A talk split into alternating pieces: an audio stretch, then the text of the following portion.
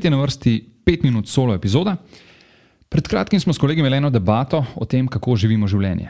In govorili smo o tem, kako nekateri življenje živijo precej na polno in v vem, recimo 30 letih doživijo več, kot pa marsikdo doživi v 80. In potem se človek res vpraša, kaj diferencira tistega, ki živi življenje na polno, od tistega, ki ga ne. In veliko krat je v bistvu denar nek argument za to. Ampak, ali je res denar tisti?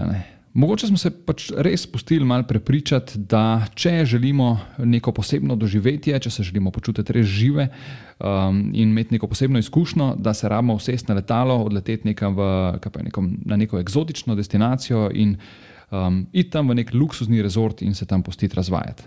Ampak, a je res to, to kar si želimo? Bomo, bomo v bistvu res uživali te trenutke in se počutili bolj žive in imeli res neko izjemno izkušnjo ob tem?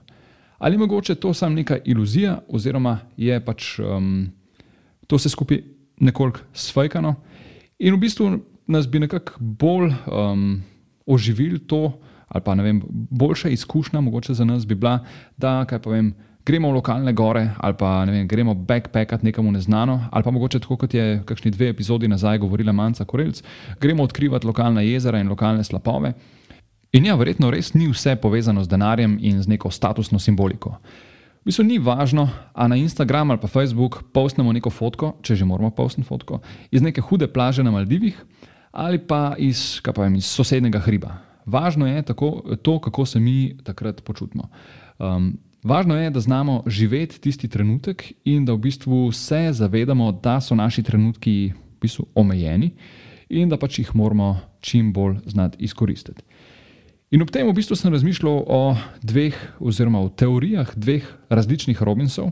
Um, eden je Tony Robbins, ki pravi, da ima vsak človek šest fundamentalnih potreb, in dve izmed teh sta: ena je certainty, kot neka varnost, sigurnost, in na drugi strani nasprotje tega je uncertainty, oziroma variety, kot pravi, um, kar bi bila neka raznolikost. Recimo. In ravno to Na eni strani potrebujemo neko varnost, se pravi, da smo zdravi, um, da imamo neko socialno varnost, da imamo dom, da imamo vem, zavarovanje, da imamo neke prihodke, ki nam omogočajo preživetje. Ampak na drugi strani mi tudi, um, neko, pot, imamo tudi neko potrebo po raznolikosti, se pravi, da rabimo um, nekaj, da nam ni dolg čas, um, da imamo nove izzive, da imamo presenečenja, se pravi, nekaj, kar nas v bistvu dela žive in nas žene naprej. Ampak zakaj si potem kljub temu, da si želimo neko izkušnjo um, in da je ta raznolikost neka fundamentalna potreba naša, zakaj se velikrat te izkušnje nekako sami sebi pripreč, preprečimo, da bi si jih dobili? Ne? Um, ne vem, želimo si iti na neko potovanje, ampak um, trenutno vrčujemo in si to preprečimo. Recimo, če smo izpostavili prej denar kot nek argument, da ne živimo življenje na polno. In ja, človek naj bi vse delal po nekem principu, da v bistvu se ali izogiba bolečini, ali pa da poskuša uživati oziroma maksimizirati nek užitek. In izbral naj bi tisto alternativo, ki, je, ki mu je močnejša, ki je bolj pomembna za njega.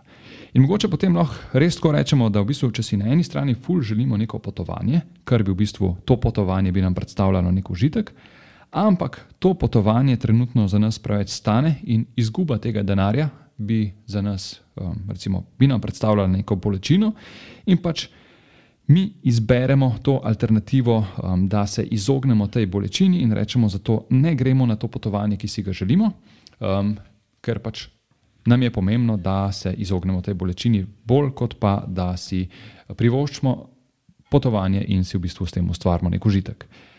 Potem pa je tu še druga teorija, oziroma teorija drugega Robinsa, oziroma druge Robins, to je Mel Robins, ki pa s svojim petsekundnim pravilom pravi, da moramo odreagirati vedno v prvih petih sekundah, se pravi intuitivno, in bomo počeli tisto, kar si zares želimo. Sicer po petih sekundah bo že začel prevladovati naš razum, um, začeli bomo tehtati, kaj je prav in kaj ne, kaj je družbeno sprejemljivo, kaj ne. Um, in najverjetneje si bomo, oziroma obstaja velika verjetnost, da si tiste um, recimo, želje ne bomo izpolnili, ali pa da ne bomo tiste akcije izvedli, ki smo jo hoteli izvesti. In ja, mogoče je res potrebno večkrat uporabiti ta pristop. Manj analiziranja, več, um, oziroma manj tudi neodločnosti, več odločnosti, in pa tudi več akcije.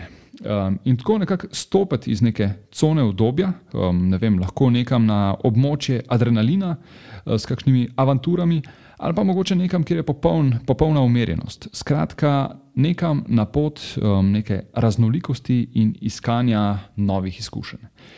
Tako da to je to v današnji epizodi, se slišimo spet prihodnič.